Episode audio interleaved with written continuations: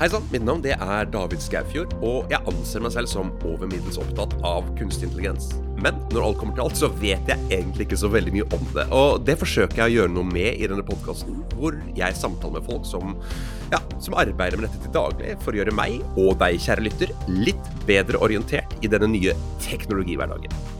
Karianne Ormseth er teknologiansvarlig ved Mechatronics Innovation Labs, en bedrift som har som formål å øke virksomheters konkurransekraft gjennom bruk av forståelse av ny teknologi. Gjennom involvering og tilskudd fra privat næringsliv har MIL bygget opp Norges største og heftigste tech-lab, i hvert fall ifølge dem selv. Og Karianne er også leder for innovasjon og forretningsutvikling i Diggin, en IKT-klynge på Sørlandet med over 90 medlemsbedrifter. Ryktene skal også ha det til at hun har en robot fra Boston Dynamics på kontoret, som hun stadig går på tur med. Velkommen skal du være, Karianne. Tusen takk. Du, Vi må ta det viktigste først. Du har altså en kjæledegge fra Boston Dynamics, stemmer dette? Absolutt, det ja. har jeg. Den har vi hatt i laben i kanskje ca. tre år. Ja? ja. Har, har, du, har, du, har du pottetrenten, holdt jeg på å si? Et veldig enkelt husdyr å ha med å gjøre, altså. Ja, ja, ja. ja. Men, men altså, hvordan er hverdagen med, med en sånn Står den der og venter på kommando, eller, eller løper den rundt på natta og mapper rommet? Hva, hva, hva, gjør den? Teoretisk sett så kunne jeg jo gjort det. Ja. Jeg kunne jo fått den til å gå en runde uh, rundt i laben hver natt. Uh, veldig enkelt, men jeg gjør ikke det. Nei. Men det er jo det andre kanskje bruker den til. Kan eh. du få den til hva, hva har, har, den lydchip? Tar den info verbalt? Må du programmere den? Er den USB-stikk du stikker opp i baken på den for å få til Hvordan, funker en sånn robot? Eh, trenger, det som er så fantastisk med Boston Dynamics og det de får til, uh, ja. det er jo at de får til å lage ekstremt komplisert teknologi superenkelt. Ja. Så Spot Eh, kan man, eh, man, Den har en av på-knapp i rumpa. Man slår den på, eh, tar frem en, en pad mm. og styrer roboten med paden. og den har jeg hatt med meg på girltech-fester der femteklassinger går rundt og kjører spot opp og ned trapper. og frem og tilbake rundt på biblioteket. Og eldre som, som, tør å prøve. For den er så enkel å styre, enkel å bruke. Og så har den jo superavansert funksjonalitet, selvfølgelig, hvis du går inn og mm. eh, programmerer. Eh, men, eh, men, sånn generelt, for å styre den rundt, så er det veldig lett. Lav ja. brukerterskel. Uh, hvor, hvor liksom sterk er en sånn Jeg ser for meg at i hvert fall hadde jeg vært barn og fått den, så er det første jeg ville prøve å gjøre, er å sitte på den. Det, går det, eller bryter den sammen? Det stemmer, det. Det er det første de spør om. Ja. da, da bryter den sammen. Ja, den. Den har kanskje en sånn payload på 15 kilo, og det er jo primært for å sette utstyr på toppen, sånn at eh, den kan gi deg noe verdi. Ja.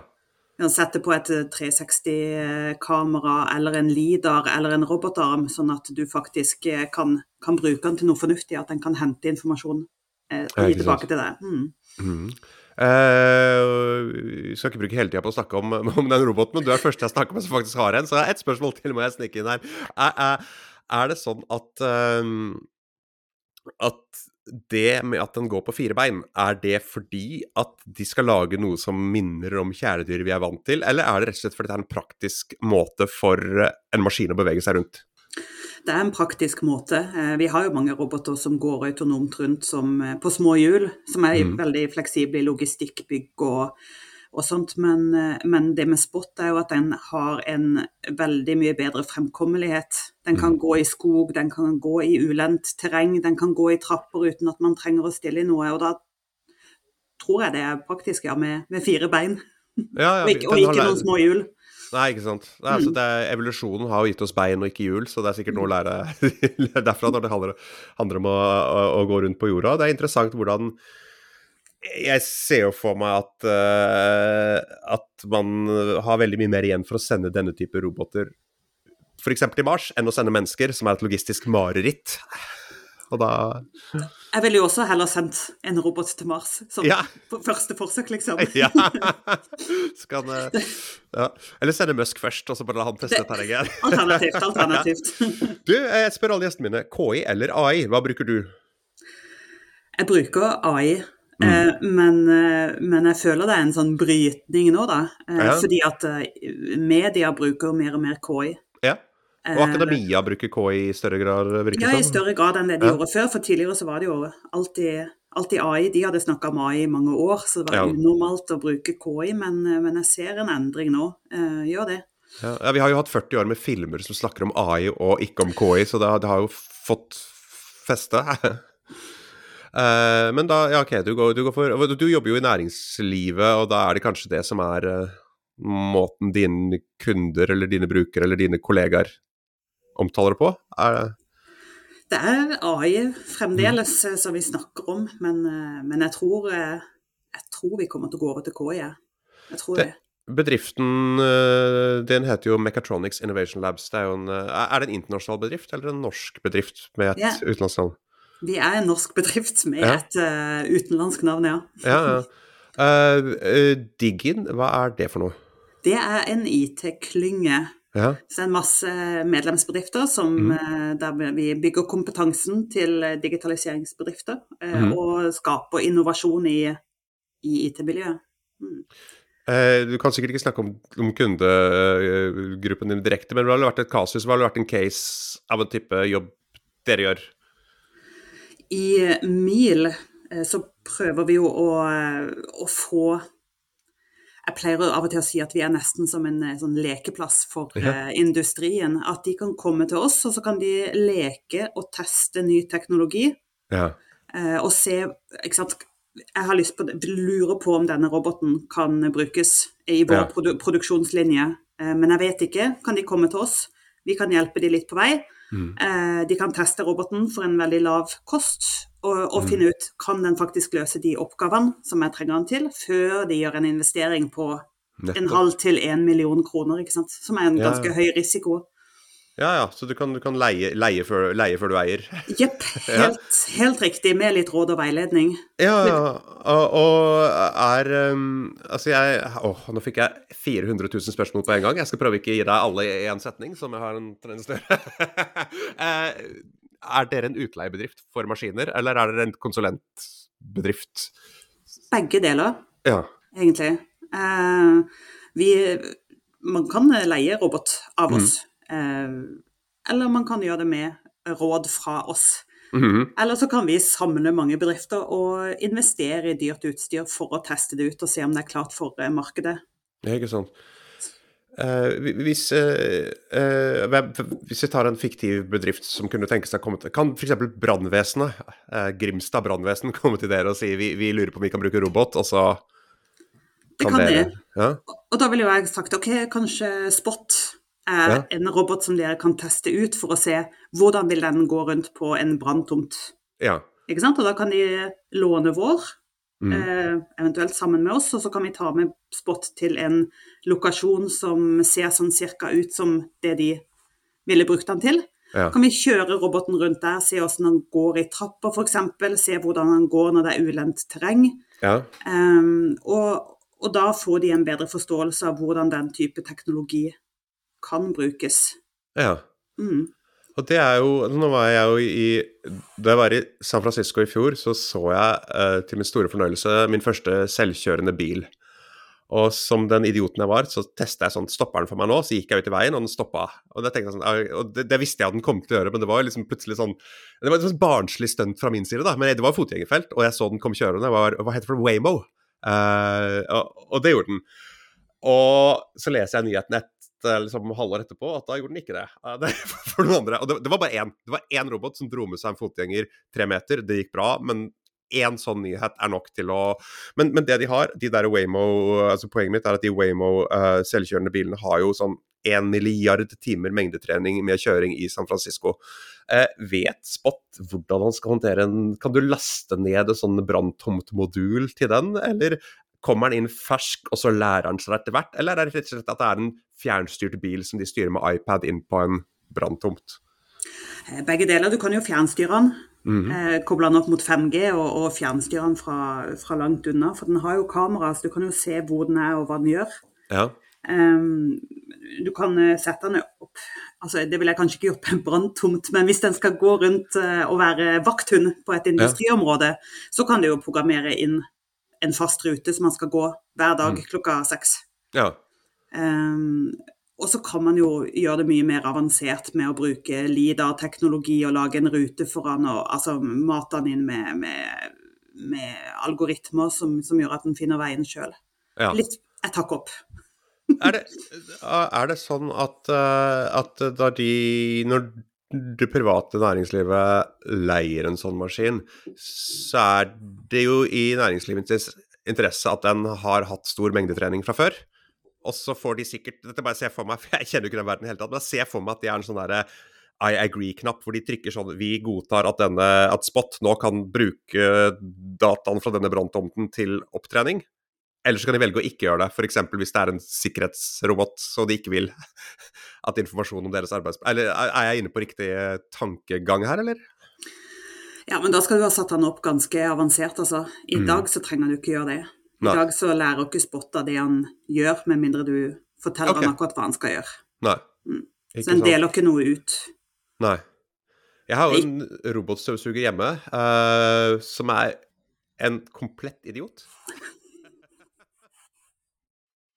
Den har ikke lært noen ting, da. Med, da. Så den, den, står og kjører i kattekassa som pleier å ikke plukke opp noen ting. Men jeg tror kanskje jeg meldte meg av eh, at den skulle eh, ja, sende all informasjon om mitt hjem til Kina på et eller annet tidspunkt.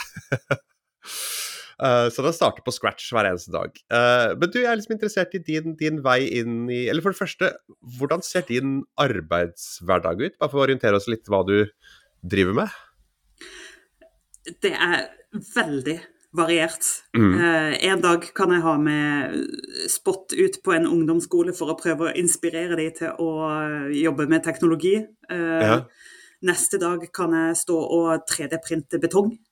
Ok, ja. og, og, så kan jeg ha foredrag om eh, AI, eller uh, snakke med bedrifter om robotikk. Ja. Det, er, altså, det er veldig, veldig variert. Ja.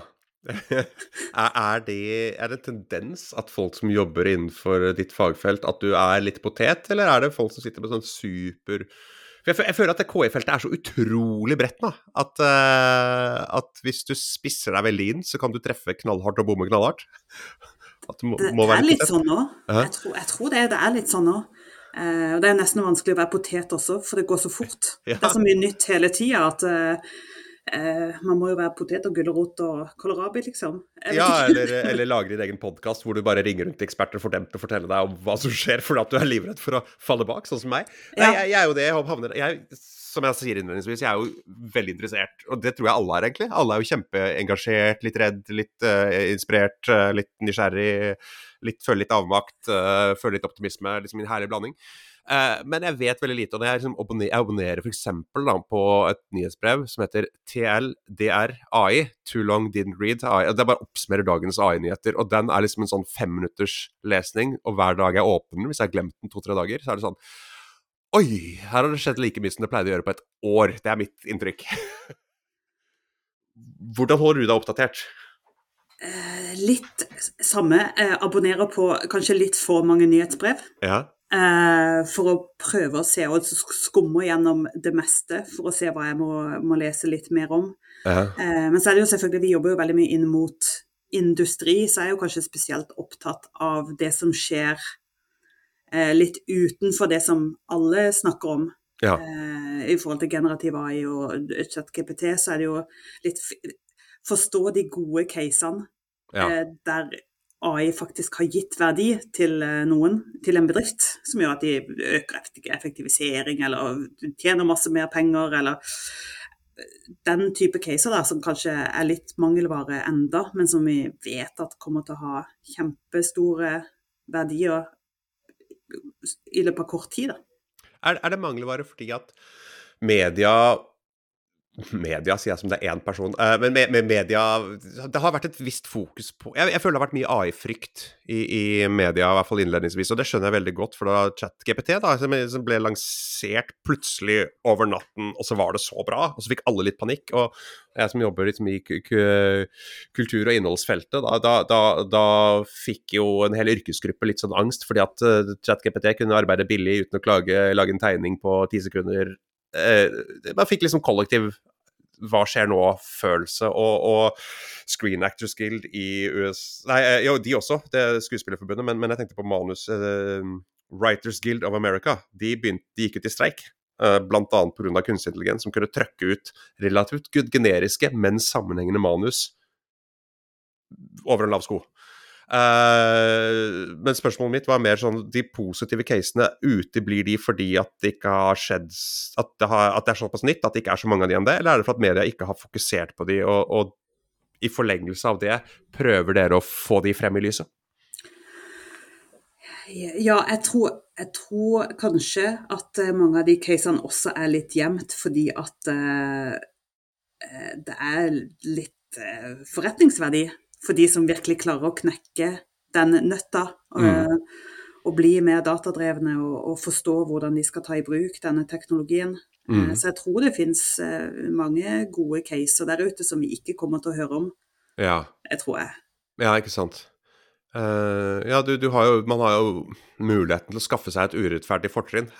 som, som, som, er tilgjengelig for alle. Men, uh, men ja, det jo det, Du jobber jo i konkurranse det, er konkurranse i din sektor. Men er det noen caser som du kunne referert til? Da? Som, som hvor, hvor robotikk f.eks. har heva produktiviteten? For jeg føler narrativet har gått litt fra at sånn, vi er redd for at de skal ta jobbene våre, til sånn kan vi gjøre jobbene våre bedre og mulig tjene enda mer penger.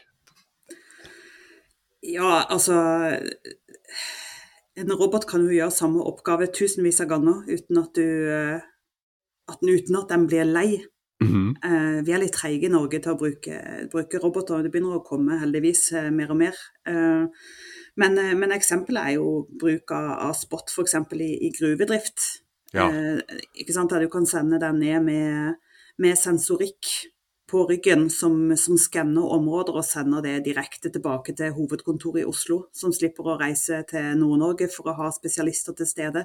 Mm. Um, det er jo et godt eksempel. Og, og også i byggebransjen, det å, det å, bruke Spot til å ta, ta, bilder som da kan sendes direkte tilbake til, til, de verktøyene de bruker, der de har digitale modeller, og nærmere på en måte um, kunne automatisk måle progresjon og fremdrift ja. Eh, og heller fokusere på, på måte, de risikoene som, som, er på en byggeplass, og bruke mindre tid på, på oppfølging, eh, detaljoppfølging av, av fremdrift og, og sånn. Ja, eh, ikke sant. Og det, det, høres ut som det også er ganske sånn, At det er et, eh, et, miljøaspekt her også, da. Du kan fort kutte et par flybilletter og opp og ned til nord endags privatfly for å, for å sjekke noe som haster. Absolutt. Mm. Uh, du sa modeller. altså Er det sånn at, at, um, at man kan f.eks. bruke Spot til å kartlegge og lage en 3D-modell av, uh, av et gruvemiljø? Kan man bruke det i VR f.eks.? Sende folk inn der hvor Spot har vært? Er det virtuelt? Det vet jeg ikke, det vet Nei? jeg ikke, men jeg vil jo tro det. Den kan mhm. jo skanne områder og få, få, på en måte kjempestore punktskyer tilbake som, uh, som, vil kunne brukes inn i, inn i VR. Ja. Skulle jo tro at det skulle gå helt fint. Uh, jeg hadde nylig en samtale med, med Elisabeth Asser, som jobber med, med, etikk inne her. og Det er jo så, det er så mye voldsom innovasjon, og verken etikken eller lovverket er jo helt uh, på plass foreløpig i det nye fagfeltet her. Men jeg ser for meg at våpenindustrien hadde jo hatt veldig interesse av uh, altså bare fra selvstyrte droner til Spot er jo perfekte spion. Han er jo Det går ikke noe med menneskeliv tapt hvis Spot blir skutt, selv om det er en liten kostnad uh, knytta til det er, er Altså er, er våpenindustrien en fremoverlent når det kommer til, til bruk av kunstig intelligens? Er det noe man kan si om? Det, altså, de er jo det. Det vet ja. man jo, at de ligger veldig langt fremme. Eh, og så må jeg jo bare håpe at de bruker det på riktig måte. Eh, ja. For det er jo litt sånn all teknologi kan man bruke på godt og vondt. Ja, ja. Et gevær. Ja, ikke sant. Mm. Et gevær kan brukes til å jakte mat og fø en hel familie et år med et skudd. Og du kan også bruke den til å rane en bank. Altså, all, all, teknologi som har en, en, positiv bruk, har jo også en negativ eh, potensiell bruk. Så det er jo eh, så, Men um, eh, tilbake til din, eh, til din eh, jobb. Hvordan, hvordan, var veien din fra studier til dette? For dette var ikke et fagfelt da du begynte å studere, kan jeg regne med, for det var ikke et fagfelt for et, et par år siden? jo da, jeg, jeg, tror fagfeltet har nok eksistert lenge. Mm. Men jeg begynte som Jeg studerte dataingeniør. Ja. Det var, var, min vei inn i eh, teknologiverdenen, egentlig. Mm. Og så jobba jeg 15 år I hvert fall å gjøre rundt det med IT og digitaliseringen mot offentlig sektor og som konsulent. Ja.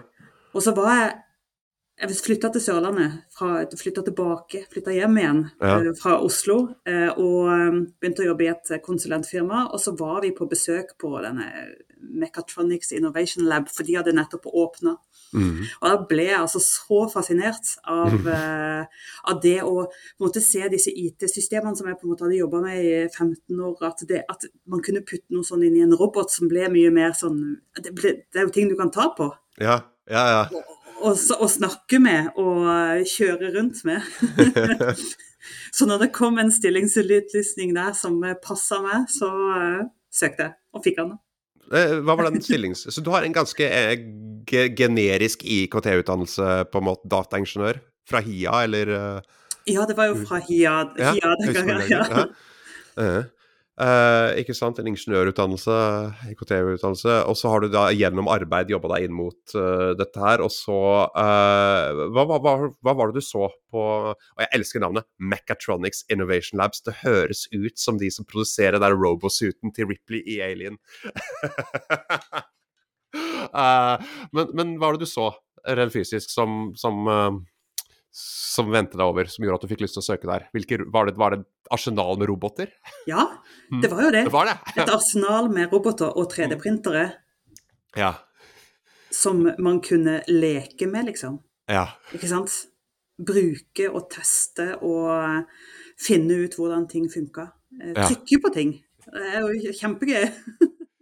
Eh, når var dette her? Eh, Det er to og et halvt år siden To og et halvt år siden, ja. Så vi er, vi er liksom inne i eh, at vi hadde Spot var på plass. Spot var på plass. Hva slags andre roboter eh, var det dere hadde der, liksom? Er det, har dere, hva heter det, bipedal robot, altså to, to, tobeinte? Nei, vi har Hvis du har sett en sånn hvit eh, humanoid-robot med store, fine, store øyne som uh, brukes i restauranter i Japan og på Ja. gamlehjem og sånn, den har vi jo selvfølgelig. Mm. Men ellers er det mer sånn industriroboter som eh, som kan gjøre, gjøre operasjoner. Flytte pakker eller pakke bananer eller Ja, ikke sant. Det var første gang jeg så en robot. Det var på en bilfabrikk. Eh, og det var i min eh, barndom slash ungdom. Og da var sånn Å, vi skal se en robot, og så var det bare en arm. Ikke Ja. sant? Bare som det, var, det så ut som den derre Det så ut som det der um, Åh, jeg glemte navnet på det, men stativet til mikrofonen min nå, som egentlig bare er et uh, kuleledd som du kan Mm. styre litt rundt på. Da var jeg veldig skuffa som barn. For da var det bare Jeg tror han lakka en bil eller skrudde på hjulet, et eller annet sånt. Men, men det er jo et robot Hva er en robot? ja, Definisjonen av det vet jeg ikke. sant? Det er jo en eh, elektronikk og mekanikk Ja. og, og datateknikk som er liksom sammensatt. Men det, men det er jo kanskje spesielt på den, sant? denne robotarmen som du så. Det er jo Ja. der det skjer mye kult med, med kunstig intelligens og robotikk akkurat nå. Ja. For der du, der du tidligere kanskje trengte en hel liten flokk med programmerere for å få roboten til å eh, sette sammen eh, to deler, ja. så kan du jo nå bare eh, omtrent vise med armen din hva roboten skal gjøre. Der softwaren er på en måte blitt så Det skjer så mye på software-sida ja. at du nesten bare kan tegne opp hva roboten skal gjøre ved siden av, og så gjør den det etterpå. Gud, det er spennende. Da, ja. da er vi inne på det jeg hadde lyst til å se. Ikke sant? Eh, eh, maskinlæring, er det en uh, stor del av jobben din? Eller jobber, jobber dere mye med maskinlæring i disse robotene? Nei, vi gjør ikke det. Vi kjøper mye av det som er ferdig, egentlig. Mm. Bruker det og finner ut hvordan det kan brukes på best mulig måte. Ja. Mm. For jeg har sett noen sånne videoer av Og, og, og må tenke meg hvem som er avsender av de videoene. Er, jeg har sett noen videoer av maskiner som prøver og feiler og prøver og feiler, og så plutselig klarer, ikke sant? Og, og, de går fra å være sånn Amazon-roboter, da. Som er ekstremt lite imponerende i starten, og så bare nailer de den repetitive oppgaven sin. Og det går fra at Det tar den klassiske at mennesker ler av de og sier de her kommer aldri til å være en trussel for vår stilling til tre måneder senere Ops, nå må vi begynne å tenke nytt her. For da kan du gjøre det ganske mye mer effektivt. Det går jo kjempefort. Vi har jo, vi har jo hatt prosjekter på, på det for så vidt i, i, på sånne små robotarmer som ikke er farlige for mennesker. Og, og, og, og kjørt noen maskin, maskinlæringsalgoritmer med, med sånn reinforced learning. Og det er jo helt vanvittig hvor fort de lærer. Ja. Altså, og så ser du jo nesten at de tryner på de første forsøkene. Ja. De, de legger seg ned og forstår ingenting, og så går det noen timer, og så eh, er de trent. ja. Det er jo veldig fascinerende. Men så mennesker er sånn ganske ubrukelige liksom til, altså, Det slår meg i dyreriket hvor lite kapable mennesker er. Og det er overraskende hvordan vi har klart å overleve. For at et barn liksom er ni måneder i mors mage, og når det kommer ut, så kan det ingenting før det er 30, liksom. Mens hvis du ser et dyr bli født, så er det klar for å springe og løpe med en gang, for at de må.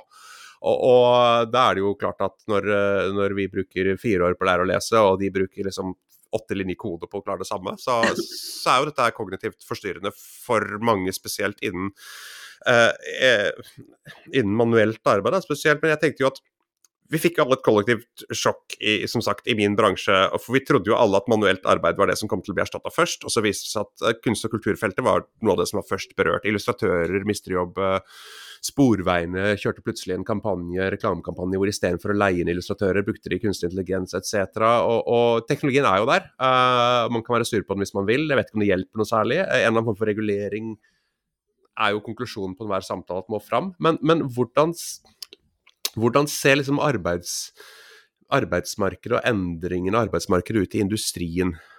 Bare vende tilbake til Tar de jobber, gjør det oss sterkere? Hva er, hva er utfordringene, og hva er liksom status 2024? Veldig bredt spørsmål, jeg er klar over det. Men, Eh, status er vel at eh, det Jeg har sett noe statistikk på det eh, med bruk av robotikk, da. mm, Er at eh, før man har en robot, så har man en veldig stor frykt Mm. for, eh, for denne, denne roboten som skal ta jobben. Mm, Eh, men de som har skaffa seg en eller to, i hvert fall av de som man jobber sammen med, Ja. som jobber sammen med mennesker, eh, de ender gjerne opp med å kjøpe enda flere. ja. Fordi at de ser at det gir en gevinst. De ser at eh, man øker den teknologiske kompetansen i bedriften. Man eh, forbedrer arbeidsmiljø, man tiltrekker seg flere lærlinger. Altså det, det er mange ja, positive effekter med det. Mm, Eh, og i Norge så har vi jo ikke så mye produksjon på nivå med Elon Musk, med Tesla, og lage Tesla. liksom. Vi skal ikke spy ut millioner av biler i løpet av en uke. nei. Eh, Vi har med litt sånn skreddersøm og, og egen produksjon, så jeg tenker det er verdiøkende å se på hvordan man kan ta i bruk Ja. eh, teknologi. Eh, Vi, vi kommer jo ikke til å, vi kommer jo ikke til å mangle Vi kommer heller til å mangle arbeidskraft. ja, du mener det? Ja. Mm. Hva slags For det, dette er det som så sakens kjerne for min del, tenker jeg da. Hva, hva Hvor Hvor går arbeid... Hvilke Hvor er vår plass fremover? Hva, hva, hvordan bør man tilpasse seg denne nye hverdagen? På hvilken måte kan man være fremoverlent når man forholder seg til noe som allerede er her, og som definitivt er kommet for å bli? Hvilke arbeids... Hvilke yrker kommer til å vokse frem i dette miljøet her, tenker du? Du, altså, jeg mener jo at mange flere burde studere teknologi, uansett. Eh, Mm. for det har jo Altså, det kommer vi jo ikke utenom. Nei. At det kommer til å skje masse der. Det er jo mennesker som står bak. Som eh, bygger roboter, og som utvikler softwaren vi bruker, og som eh, utvikler den kunstige intelligensen. Så det er det jo absolutt behov for. Det er det jo. Og så, og så fanger jeg opp et, et sitat, det er vel et års tid siden, eller noe sånt, at du kommer ikke til å miste jobben til kunstig intelligens, men du kommer til å miste jobben til noen som kan bruke kunstig intelligens. Nettopp. Og den syns jeg er veldig fin, altså. Ja, ja, ja. ja det, det, det virker jo som øh, Og det, det, sitatet var en av grunnene til at jeg tenkte OK, nå går, nå går vi inn i det her. Nå, nå lager vi en podkast om det her. Nå prøver vi å lese oss opp. fordi at øh, jeg har jo en liten bedrift, og jeg har et lite produksjonsselskap som heter Hollywood AS. Og vi har tradisjonelt sett lagd liksom, film og TV og jobba med det. Det har vært jobben min. Og nå har vi gått mer over i dataspill og animasjon og trives veldig med det. Og for eksempel i animasjon så er det jo sånn eh, Det første sjokket var jo når du så hva de bildegeneratorene også uh, Ja, de, de kunne gjøre, og, og da, da følte du et øyeblikk at de frarøvet deg kreativiteten. Men så, så viser det seg at nei, men de er de det er de ganske dårlige til, men det de er gode til, det er å effektivisere. Så for eksempel for min del så hadde det vært å, å få tak i noe programvare som gjør at jeg kan spare den kjedelige delen av jobben, som er f.eks. rigging av karakterer. Eh, gjøre bakgrunnsspill altså så, veldig, Automatisere mye av det som du må gjøre, men som bare tar masse tid, og som ingen med hånden på hjertet kan si at jeg har interesse for. det, det manuelle grovarbeidet som bare står mellom deg og det kreative uttrykket. Så, så jeg ser for jeg, jeg har i hvert fall havna på for min del at det kan korte ned veien fra idé til ferdig produkt, og samtidig utfylle min visjon. Det både håper jeg at det er konklusjonen, og tror er den. Uh, og så vil det vise seg, da. Men um, i industrien f.eks., uh, når roboter kommer inn og sånn, hva, hva, hva, hvordan reagerer Altså Du sier at de som først har fått den der, er positive, men hvor mye skepsis De som kommer til dere, er vel allerede litt positive, men uh, er det mye skepsis, mye frykt? Hvilke fordommer må dere jobbe mot når dere møter en bedrift første gang? Det er jo nettopp det vi var inne på, at uh, folk tror at en skal ta jobben din. Mm. Og da vil jo vi alle kjenne frykt. Det er jo, det er jo kanskje det samme ikke sant, Akkurat det du også kjente på. Mm. At uh, ta den over alle, alt det jeg har All den kunnskapen jeg har jobba opp ja. gjennom mange år i arbeidslivet. Um, mm. Det er jo det som er den største, egentlig. Ja. Mm. Uh, det du... kanskje frykt for at det er vanskelig. ikke sant? Det, ja. ikke sant? Tradisjonelt sett så har det jo vært det, men der har det jo skjedd store endringer i forhold til brukerterskelen har blitt mye lavere. Og, og det, ikke, det, krever ikke, det, krever ikke, lenger en mastergrad for å programmere en robot. Nei. Uh, du må bare tørre å trykke på knappene. Ja, ja. Du har jo liksom no code, at du, folk i større og større grad egentlig ikke bare drar inn ikoner. Ja. Hvis krasjer mot vegg, snu ut. Ja, ikke sant. Det er ganske enkel uh, tendens da i, ja, i uh, og, og, før så var det jo altså Du skal ikke så veldig, veldig mange år tilbake før datamaskiner var forbeholdt eliten. Jeg ser for meg allerede da du begynte å studere, ser jeg for meg at det var betraktelig færre kvinner i i, i ditt studiemiljø enn det er nå? Eh, nei, det var, var vel ca. det samme. altså. Altfor lavt. Altfor lavt. Jeg sitter på noe statistikk der. Hvor mye, mye var det? Uh... Jeg tror det var rundt 20 når jeg studerte, og jeg tror ikke det har gått noe særlig opp. Nei. Hva, hva er grunnen til det? Altså Hvorfor? Kanskje, ja, hvorfor jeg, jeg vet ikke. Jeg tror det Man er kanskje litt dårlig til å selge inn hva man faktisk jobber med når man jobber med teknologi. Mm. Eh, det så, blir ofte det veldig kanskje teknologitungt. Eh, i på en måte de faglige retningene på universitetene. Så jeg er ikke sikker, altså. Ikke sant? Jeg sier jo sjelden at Eller jeg jobber jo med teknologi, men eh, det meste jeg driver med, er jo endringsledelse og mennesker. og få ja, ja. mennesker til å forstå dette her. Ja. Så, så, jeg håper jo at flere får litt øynene opp, fordi og, og ja, kanskje også det med på en måte hvilken samfunnsverdi det har. ikke sant? Det er jo ja. kjempeviktig at vi har teknologi som funker inn mot, inn, inn mot, helse og eldreomsorg og inn i skoleverket og alt mulig, sånn at vi kanskje må tydeliggjøre det enda mer. Ja. At det, det, det, er samfunnskritisk at vi, er hel, at vi ikke bare er 50% av befolkninga som utvikler ny teknologi. Nei, ikke sant. Og, og, og det, det, gjenspeiles jo Det har jo kommet opp flere ganger her i, i denne podkastserien her at, at, teknologi som er utvikla i en del av demografien, speiler jo veldig den delen av demografien. og, og og, og, jeg har hørt at, at, algoritmen har blitt anklaget for å være rasistisk etc. eller sexistisk og sånn, og det er jo liksom kanskje feil ord å bruke på den, men utfallet er i hvert fall eh, ikke representativt, da. så um, Og jeg tror jo det at liksom på da jeg vokste opp på 80- og 90-tallet, så var det ingen av jentene i klassen som drev med data. Uh, og det var en sånn gutteromsgreie. Kan huske jeg var på The Gathering i 95 96 så var det 5000 gutter og to jenter. og det var da de to jentene, jeg husker til og med navnet på dem, Kaja og Anja, kom, kom, gående inn på The Gathering, og det ble liksom sånn stille, og 5000 hoder bare snudde seg. Det var sikkert både litt kult og litt ikke kult å være de to akkurat da. og, da blir det sånn selvforsterker, ikke sant. For at når du har brukt hele ungdommen din på data, programmering, og det var liksom nerdete, og ingen syntes du var kul, og så plutselig blir belønna for det og får kanskje litt høyere lønn enn kompisene dine for at du har studert et fag i ti år som hobby allerede. Og da var det en skjevhet, for da var det jo ikke noen jenter som gjorde det i mitt miljø. Men nå, nå er jo det her 30 år senere, og jeg liksom bare trodde at det skulle være bedre. Ja, man skulle tro det. Og det har jo vært satsa på det, og ja. Men fremdeles ikke. Når du, du sa at du hadde, hadde, med roboten din på Girl, Girltech, var det det det? Ja. Hva, hva er Girltech? Eller det, jeg, jeg, hører jo hva det er, men hva, hva? Det er Tror, det er nasjonal, en nasjonal satsing der, som arrangeres på biblioteker rundt om i hele Norge. Jeg, der jenter får teste teknologi, og teknologibedrifter viser seg frem. Det er jenter i tredje til femte klasse eller noe sånt på barneskolen. Så de er mhm. ganske små. De er jo supernysgjerrige. De er, har jo ingen hemninger for å stille spørsmål og trykke på knapper og teste ting og leke. Jeg driver jo en kodeklubb her på Høylandet hvor jeg bor, og jeg trodde at det var bare gutta som kom til å melde seg opp, og det som har skjedd, var at det var 50-50, eller mulig mest gutter, men nå er det nesten bare jenter som er igjen. Og det er så var så rart for meg, og så kult og så artig og så annerledes enn alt jeg hadde sett for meg. Og jeg, jeg, vet ikke hvorfor, det er mange faktorer, det kan være rene tilfeldigheter. Jeg vet ikke om det her er representativt i det hele tatt. Eh, jeg tror f.eks. kodeklubben i nabobygda bare har gutter, tre stykker.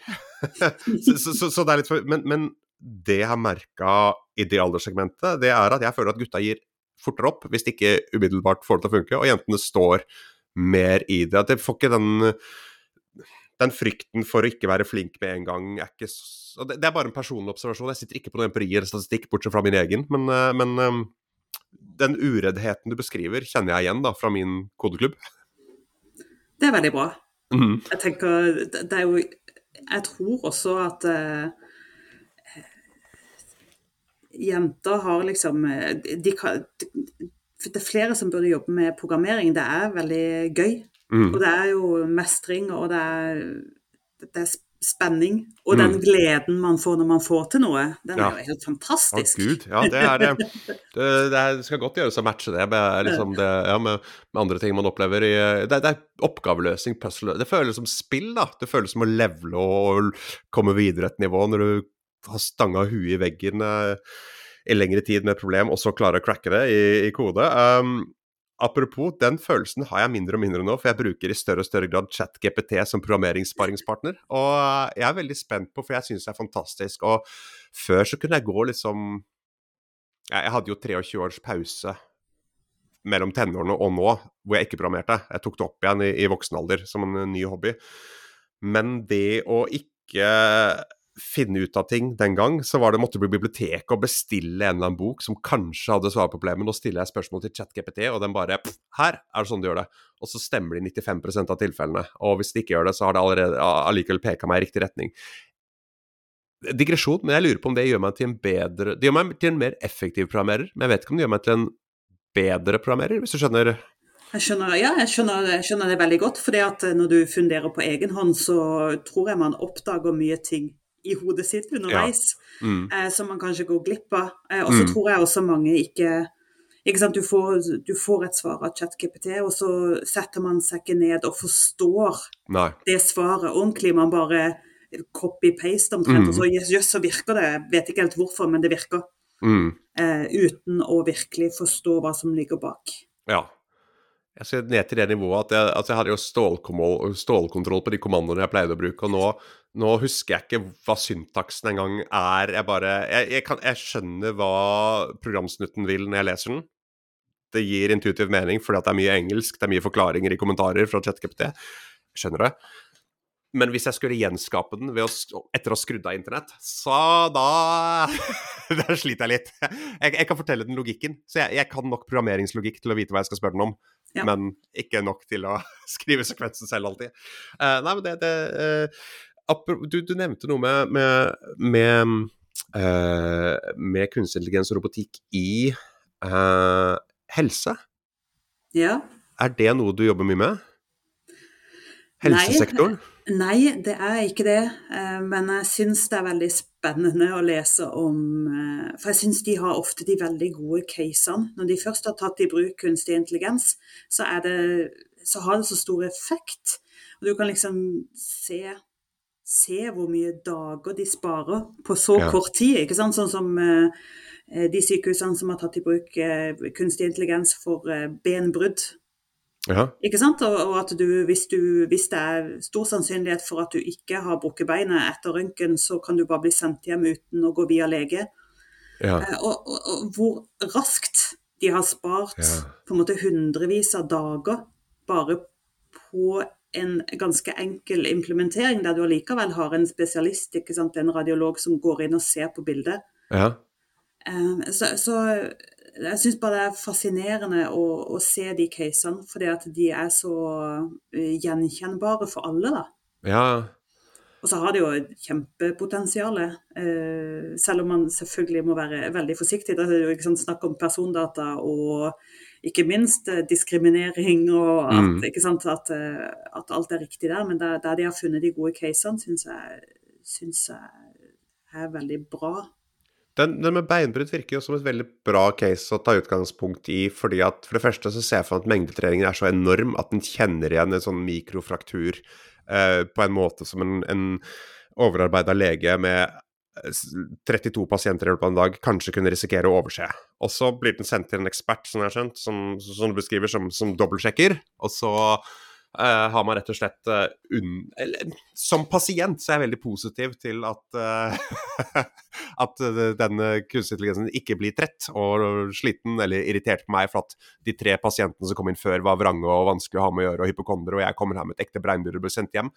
Eh, Og da er det sånn da er jeg plutselig veldig positiv til å ha Altså, vi har ikke for mange sykepleiere, vi har ikke for mange leger. Vi har uh, overarbeida leger som jobber eh, turnus og som har for mange pasienter og må drive business. Så, så det her er et eksempel på hvordan jeg er veldig positiv til å ha masse maskiner inn. Ja, ikke sant? Ja. Mm. uh, og, men i helsesektoren, dette er et rent tydelig eksempel. Har, har vi noen flere eksempler fra helsesektoren på hvordan robotikk eller eh, kunstig intelligens eller maskinlæring er, er positiv? Jeg syns jo eh, det, de som har tatt i bruk eh, augmented reality, altså Ja. AR, og bruker HoloLens og kan koble på leger fra spesialister fra hele verden for å studere akkurat ditt hjerte, Mhm. for å finne best, finne best mulig ut hvordan de skal eh, operere en, i en veldig komplisert operasjon, det syns jeg er veldig fascinerende. Ja, den er fin. Og når du kan fjerne, fjernoperere, bruke de beste spesialistene i verden til å, til å utføre kompliserte operasjoner, det, altså, det syns jeg bare altså, er så fascinerende at det er Ja. mulig. Altså, jeg, jeg eh, Man hører jo alltid dessverre om de hjerteoperasjonene som ikke går bra. Jeg tror liksom Jeg har veldig høy tillit til norsk helsevesen. Men jeg hadde ikke vært fremmed for å, i hvert fall om et par år, når det her er litt innkjørt, la en robot gjennomføre hjertekirurgi hvis jeg måtte det. Helt stø på henda. Jeg er helt stø på hendene. Ja. ikke trøtt. Ikke drukket noen dagen i forveien og ikke krangla med kona eller noen ting. Så, så jeg, jeg føler meg Men eh, ja. det, er, det er jo som selvkjørende biler, som nevnte. Det handler jo bare om statistikk. I det øyeblikket hvor selvkjørende biler er involvert i flere ulykker, eller håndterer de ulykkene involvert i bedre, så er det jo nesten en ren matematisk uh, sannhet at de er bedre. Og, men samtidig, da, hva med yrkessjåførene? Hva med, og de, de tror jeg jo kommer til å ryke. Ja, Mm. det er altså å få, å få litt av tungtransporten bort fra veien hvis vi skal være der, det hadde jo vært fint. sånn Ja, ja. Mm. Det hadde jo det. Eh, så, og, og altså, autonome kjøretøy hadde jo vært praktisk for oss alle. Ja. Det hadde jo det. Så jeg håper jo vi får det eh, snart.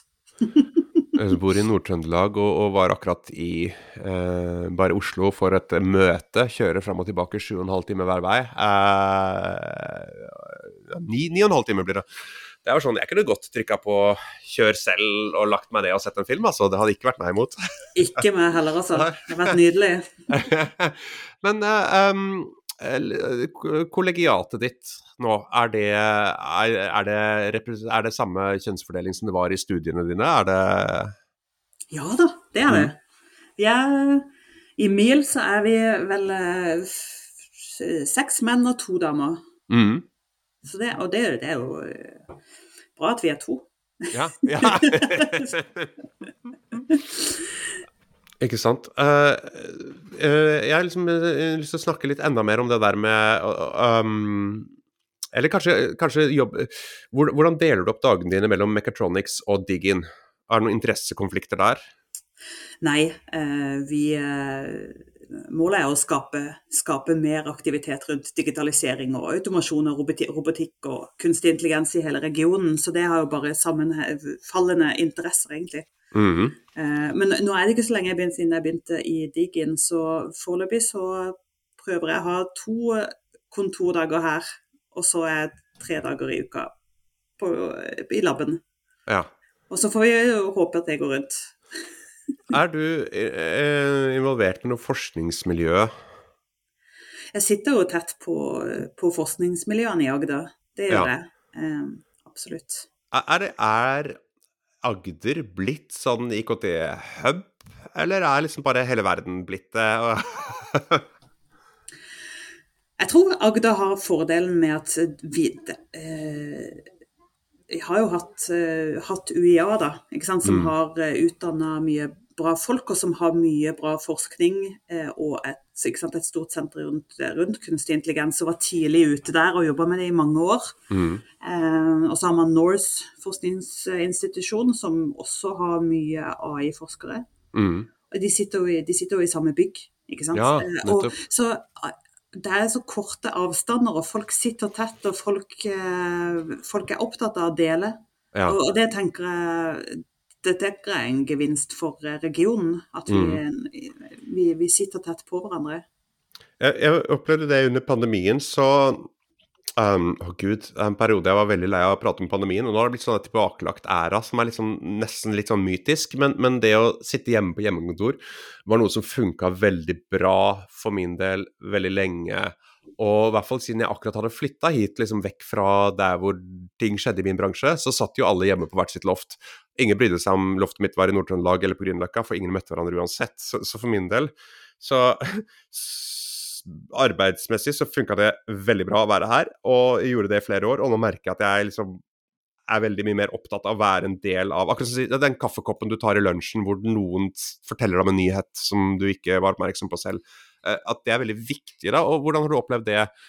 Altså, Hvor viktig er liksom kollegiatet? Hvordan det har det endra seg fra pandemien til det at man sitter i nettopp sånne klynger? Den fysiske kontakten. Hvor viktig er den for dere? kjempeviktig, ja.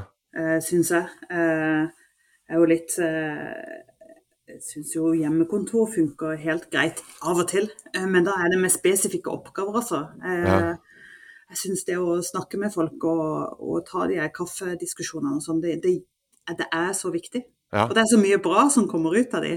Det er alltid, alltid nye ideer og, og, nye prosjektmuligheter og uh, nytt samarbeid. og det, altså, det er kjempeviktig. Ja, man, man går jo så mye rundt i sin egen boble, og jeg opplever at verden er jo sånn mindre altså, Mer polarisert enn før, det vet vi jo alle, men, men bare det f.eks. at vi ikke deler de samme TV-opplevelsene på kvelden. Før var det sånn ja, alle hadde sett det NRK-programmet 21.30 på fredagen og snakka om det på mandagen, og, og, og nå er det sånn hvis du har ti kollegaer, så har alle sett hver sin serie. Det er, det er noen fellesnevnere der, men det er også såpass mye innhold og såpass få delte kulturelle opplevelser som kinorommet pleide å være, som direkte-TV pleide å være og sånn, at, at, man at man må liksom synke opp på et fysisk arbeidsplass, uh, føler jeg. Um, apropos fysisk arbeidsplass, nå vet jeg ikke, er, du jobber jo med industri, men, men, hvis jeg hadde da min bedrift, mitt produksjonsselskap, hvis jeg hadde kommet til dere, enten Mechatronics kanskje mest på Digil, Hvordan Og jeg, jeg bare sier at jeg, jeg, kommer til dere og så sier kan dere hjelpe meg med noe. Er en, vi er en liten mediebedrift, uh, bakgrunn i TV, og driver nå mye med, med, med spill, animasjon. Hva kan dere gjøre for oss? Hva, hva, er problemet ditt? uh, lyst, problemet er at mediebransjen stort sett er nede for telling. Uh, kravet til innhold er større enn noen gang, og budsjettene er mindre.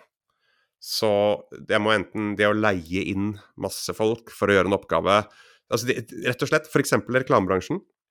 Jeg jobba mye reklame før, og da, det, da, kunne jeg ha store team, budsjetter på ja, halvannen million for å lage en reklame, og nå gir de 30 000 til nevøen sin som er god på Snapchat. Aha, det er min konkurranse, ikke sant? Ikke sant. uh, Uh, og da, de, Mitt svar på det har vært at jeg har pivotert over til der hvor brukerne er i større grad, og også fulgt interessen min for dataspill og animasjon, og er der og, og trives mye mer. Men du har det samme. Du har Mengden konkurranse er enorm. Du må skille deg ut, og du må effektivisere produksjonslinjene dine. er vel rett og slett det som er kasuset mitt. da. Ja, ikke sant. Eh, kanskje inn mot Digen, ikke sant, så hadde det jo vært mm. å finne, finne hva, hvilken kompetanse er det du har bruk for å peke deg inn mot kompetansemiljøer der du kunne spare med andre i samme situasjon, egentlig, for å mm. eh, lære av hverandre. For man ja. sitter jo gjerne litt alene i de miljøene, eller man kanskje er kanskje ikke så mange. Ikke? Så det å spare med andre som sitter i litt samme situasjon, men kanskje litt på tvers av bransjer, ja, så det er sånn Kirsten Giftekniv for Ja, nesten. nesten. Av, og til, av og til så er det det, er det, det vi er, altså. Mm -hmm. um, og så syns jo jeg det skjer mye spennende inn på, på forskningssida. Så når man har litt utfordringer som man lurer på om kan løses, så er det jo kult å diskutere med forskere hva er hva er neste steg her, hva kunne man gjort, hva kan man gjøre som er unikt innenfor kunstig intelligens akkurat nå, ja. for, å, for, å, gjøre dette her eh, kulere eller bedre eller mer effektivt. Eh, mm. Og, og sparre litt med, med, de forskerne som gjerne sitter og jobber på tvers av mange ulike industrier, og som har en, en sånn eh, kreativitet på en annen måte.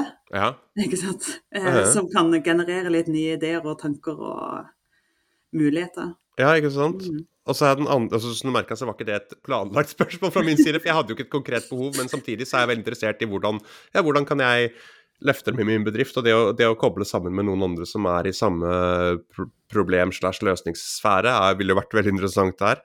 Men den andre næringsretningen jeg driver med, jeg sitter jo her på et, på et fjøs, jeg driver jo en bondegård her oppe. Jeg har 400 mål med korn uh, som skal dras inn. Og, og, der tenker jeg at der kunne man jo tatt en telefon til Mechatronics Innovation Labs og spurt hva, hva skjer innenfor landbrukssektoren.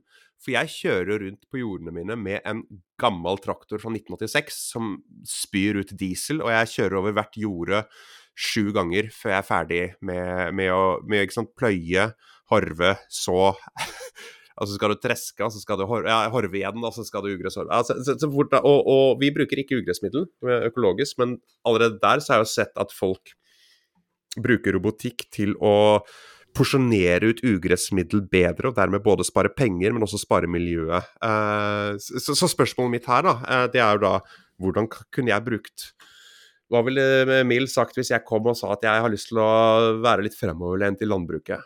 Hva bør jeg gjøre? Kan jeg låne en robot?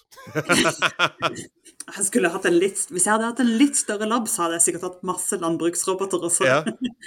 Eh, vi hadde tatt en, eh, en, kikk for deg på hva som egentlig finnes der ute, og hvor langt det har kommet. Mm. Eh, hva er på en måte kommersielt tilgjengelig, og hva, hva ligger prissjiktet på, hva kan det Hva er mulig? Mm. Um, og så måtte man jo finne ut hva, hva som var innafor uh, på en måte dine dine bruksområder og sånn.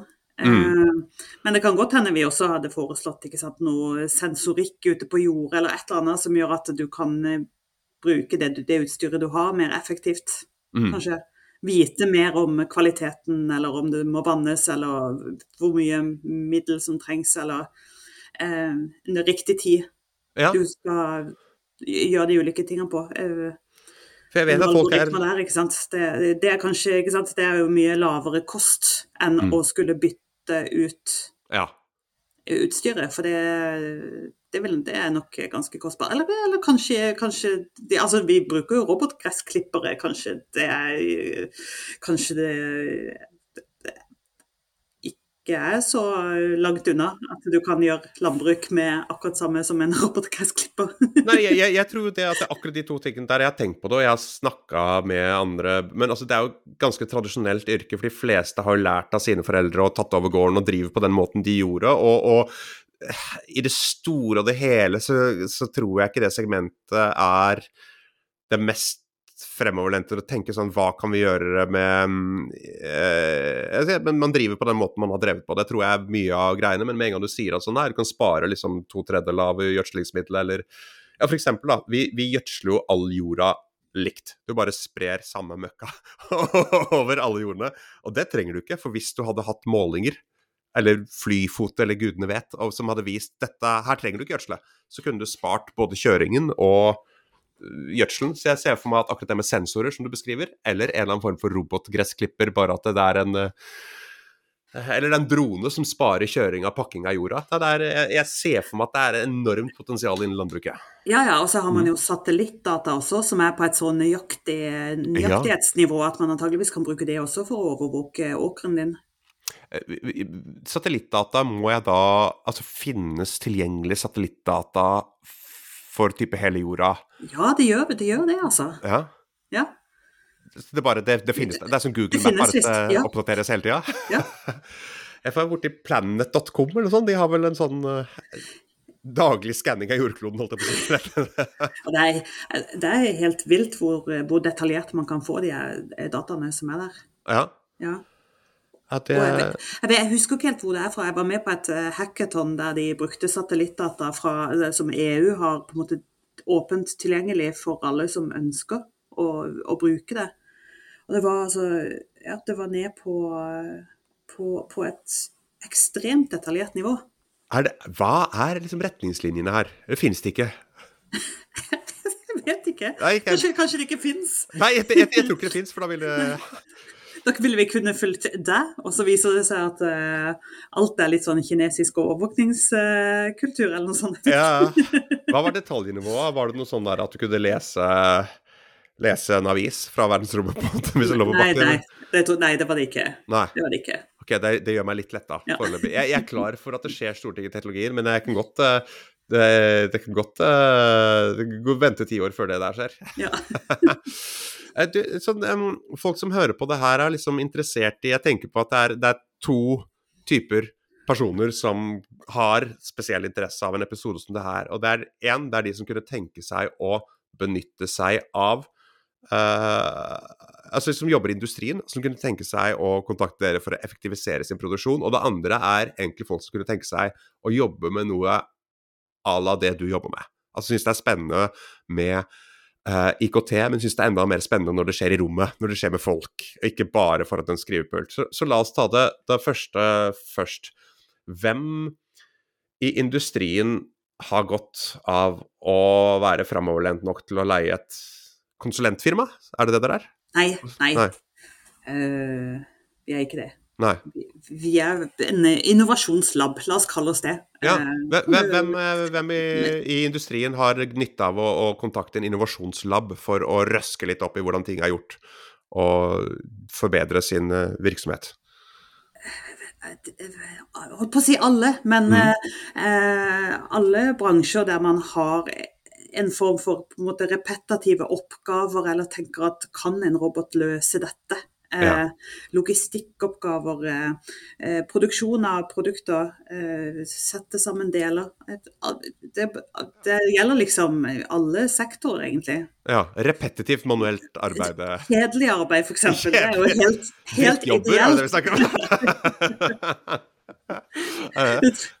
Hva slags, hva slags resultater uh, Og jeg er klar over at det er vilt forskjellig, men hva slags resultater kan man uh, Hvordan er prosessen, og hva slags resultater kan man se for seg? Hva tenkte du på da? Uh, si at, si at Brannvesen-eksempel, da. At brann, brannsektoren Nødsektoren, da Nødsektoren, ja. ja. Har kontakt med dere. Og, og, de har egentlig, i likhet med meg, ikke et konkret spørsmål. De bare vet at her skjer det ting, og vi vil være der når det skjer. Uh, hva, hva, kan de forvente å få hjelp til, og hvordan kan de forvente å øke resultatene sine? Eh, de kan eh, forvente at de kan komme og få en bedre forståelse av hvordan de kan bruke teknologien i sin hverdag. Mm. Om det er eh, bruk av VR-briller for opptrening i, i altså beredskap og krisesituasjoner. Eh, ja. Eller om det er å på en måte ta på en sånn Vi har sånn robotvest som gjør at du kan løfte 20 kg mer enn du egentlig kan. Å oh, gud, har du prøvd det sånn? Eh, ja, og det, og det, er jo kjempegøy. Men ja. Kanskje, eh, kan de bruke det sant? Ja. I, I, mm. situasjoner der vi mennesker blir tyngre og tyngre, og flere mm. og flere får vondt i ryggen. ikke sant? Og teste det og prøve å se hvordan det funker, for å relatere det til eget liv og egne arbeidsoppgaver. Ja. Og se trigger det noe, blir de nysgjerrige, har de lyst til å gå videre og teste mer. Ja, ikke sant. Mm. Uh, der så har du også sånn der VR og simuleringer. Brukes det mye spillteknologi jeg var nylig på et seminar for spillutviklere, hvor det var noen spillutviklere som var utdannet innen spillteknologi, men ikke jobba i spillbransjen. De jobba type i oljebransjen og visualisering, oljeplattformer, sikkerhetstrening etc. Er det mye den type spillmotor, i anførselstegn spillteknologi, som brukes hos dere? Eh, ikke så, mye hos, ikke så mye hos oss, men, eh, men, jeg ser jo det. At uh, det blir jo tatt i bruk i industrien, både VR og AR. Mm. Eh, spesielt inn mot sikkerhetstrening. Mm. Mm. Eh, og, og, og, type altså som digital tvilling og, og, det å jobbe remote. Ja. Og det tror, jeg jo, det tror jeg jo er bra. Ja. Mm. Um, og det andre uh, Folk som da uh, syns det er litt inspirerende å høre at uh, du har tatt altså, Noen som er, som er, de var interessert i datateknologi, har studert kanskje litt lei av, av bare skrivepulten og har lyst på en mer variert hverdag og jobb. Jeg jobbet En kollega av deg, hvordan, hvordan, hvordan blir man din kollega? Hva, hva studerer man, hva jobber man med for å komme seg dit? Du, vet du hva. Eh, det er så mange veier inn. For bare sånn eh, blant mine kollegaer så har vi jo folk som har eh, fagbrev i automasjon. Og jeg har en sykepleier som har gått mekatronikkingeniør etterpå. Okay. Og en matematiker og en materialteknolog. Masse forskjellige folk. Ja. Så man kan gå fagbrev og begynne å interessere seg for teknologi, eller man kan velge å gå mer inn mot universitet og tek ulike teknologiretninger. Eh, data eller elektronikk eller maskin eller mekatronikk. Ja. Ja, så det, det, det, en sykepleier som har tatt etterutdanning. Jeg har jo sånn, for eksempel, hvis man er, hva heter det, jobber teknisk byggfag, man er rørlegger, er det sånn, og så tenker man ja, man har utdannet seg det, så nå er det skomaker blir en lest, du må, nå er det rør du må jobbe med. Men det, det er plutselig en, en rørlegger kan f.eks. Med, med sin kompetanse om infrastruktur, materialer eh, etc., kan egentlig finne et hjørne av teknologisektoren ja. sitt fag. Ja. Mm. Man må bare ha litt interesse og sette ja. seg litt inn i det og forstå hvordan det brukes. Eh, for jeg tror det å ha eh, Altså, vi er nødt til å jobbe tett med ulike fagområder. Jeg som teknolog kan jo ikke eh, kan jo ikke komme på de gode løsningene for en rørlegger, f.eks. Vi er jo nødt til å jobbe sammen, og da må rørleggeren også ha eh, interesse for teknologi. Ja, ja. Ja, men det der overlapp minner meg på Nå tar jeg alltid en sånn filmparallell da i det her, men jeg husker jo filmen Armageddon, hvor hele premisset hviler på at det er lettere å trene oljearbeidere til å bli astronauter enn det er å trene nei, astronauter til å bli oljeborere. For de skal opp og sånn. Så det er hele buy-in til Michael Bay for hele ja. At astronautene nei, kan du ikke lære noen ting. Er, men du kan lære oljegutta mine å, å fly opp i verdensrommet. Så ja, det er gøy at man kan liksom komme til det fra alle, alle retninger. Eh, jeg har lyst til å spørre deg om to ting til avslutningsvis. Altså, du er omgitt av Altså, KI-feltet er så vanvittig bredt. Og du, jo da, du, jobber jo da med andre ting enn det som f.eks. har vært min eksponering for kunstig intelligens, som har vært veldig mye bruk av ChatGPT f.eks. Men bruker du mye kunstig intelligens-arbeidsverktøy i ditt eget liv? Og i så fall hvilke? Det er mye ChatGPT. Det er mye ChatGPT, ja. ja. Mm. Det er det. Som en sånn uh klare å komme i gang raskere med ting. Ja. Få hjelp til å eh, skrive de kjedelige tingene. Eh, ja. Eh, sammenstille ting. Altså det, det samme som, som, mange andre bruker det til, tror jeg. Ja. Det å redusere, ikke sant. Skrive sånne f.eks. prosjektmål og sånne ting som er ganske kjedelige. Ja, ja. Sette opp budsjetter. ja, ja, ja. Det skrives av ChatGPT, og så leses av ChatGPT i andre enden. ja. ja, ikke sant. Det er akkurat det. uh, men det er, det er, det ja, ikke sant. For er, uh, jeg er sjokkert over hvor uh, godt god samarbeidspartner ChatGPT er. og jeg, jeg hadde Livet hadde blitt litt fattigere uten for min del nå, altså og sparringspartner å sende hvis jeg skriver noe. Så sånn, Jeg får jo aldri den til å skrive det for meg, men jeg, altså, da snakker vi om mer sånn litterære tekster. Men jeg sender det gjerne gjennom der. For sånn, Hei, hvordan ville du forkorte dette her? Og så kommer den opp med en kanskje et altfor kort versjon, og så bare Ja, OK, men der var det litt mer effektiv innledning. Så jeg, så da, da, jeg sparrer, sparrer veldig mye med den. Er det sånn jeg vil framstille det. Um, ja, jeg er helt enig. i Det er det jeg også bruker det til, som en sparringspartner. Og så ja. syns jeg ofte den genererer utrolig dårlig tekst. Eller ja. ikke sant? hvis jeg bare skal få den til å skrive noe, så blir det aldri sånn som jeg ønsker. For det er ikke mitt språk, det er ikke Nei. min måte å formulere meg på. Så, så det syns jeg ikke funker bra. Men, men det å det, å spare på mine egne setninger og mm. få dem til å gjøre de bedre, og bruker det av og til fordi at jeg snakker med så mange ulike målgrupper. hvor plutselig skal jeg forklare kunstig intelligens til uh, femteklassinger. Mm. Eller til ungdomsskoler, eller til, uh, til, folk i industrien. Så det å bruke den bare for å få litt inspirasjon til ok, men hvordan ville du forklart det til en uh, til en åtteåring? Hvordan ja. ville du forklart Det, det funker, funker, bra, da. Ja. En sånn ren inspirasjon. Uh, og, og, det her, og det kommer liksom det i anførselstegn uh, vanskeligste spørsmålet. Men, men altså sånn, og det, det, er umulig å forutsi fremtiden. Men hvilke ting ser du for deg vi kommer til å oppleve i 2024 i dette feltet her? Hva kommer til å prege nyhetsbildet? Altså, vi har jo valgkampen som kommer opp, og deepfakes og sånn kommer jo til å være en stor greie rundt der. Men, men uh, i ditt felt, hvilke nyheter tror du vi kommer til å blir stilt overfor i 2024? Godt spørsmål. Eh, det er jo alt dette rundt, rundt videre bruk av ChatGPT og, og, regelverk og finne ut av, finne ut av ting. Men, men, kanskje eh, inn mot industri så håper jeg det blir økt fokus på hvordan, eh, hvordan vi skal få tatt det i bruk eh, og bli mer datadrevne. Der eh, innenfor de ulike sektorene, og hvordan man faktisk skal samle de dataene som trengs for å kunne komme i gang med, med kunstig intelligens.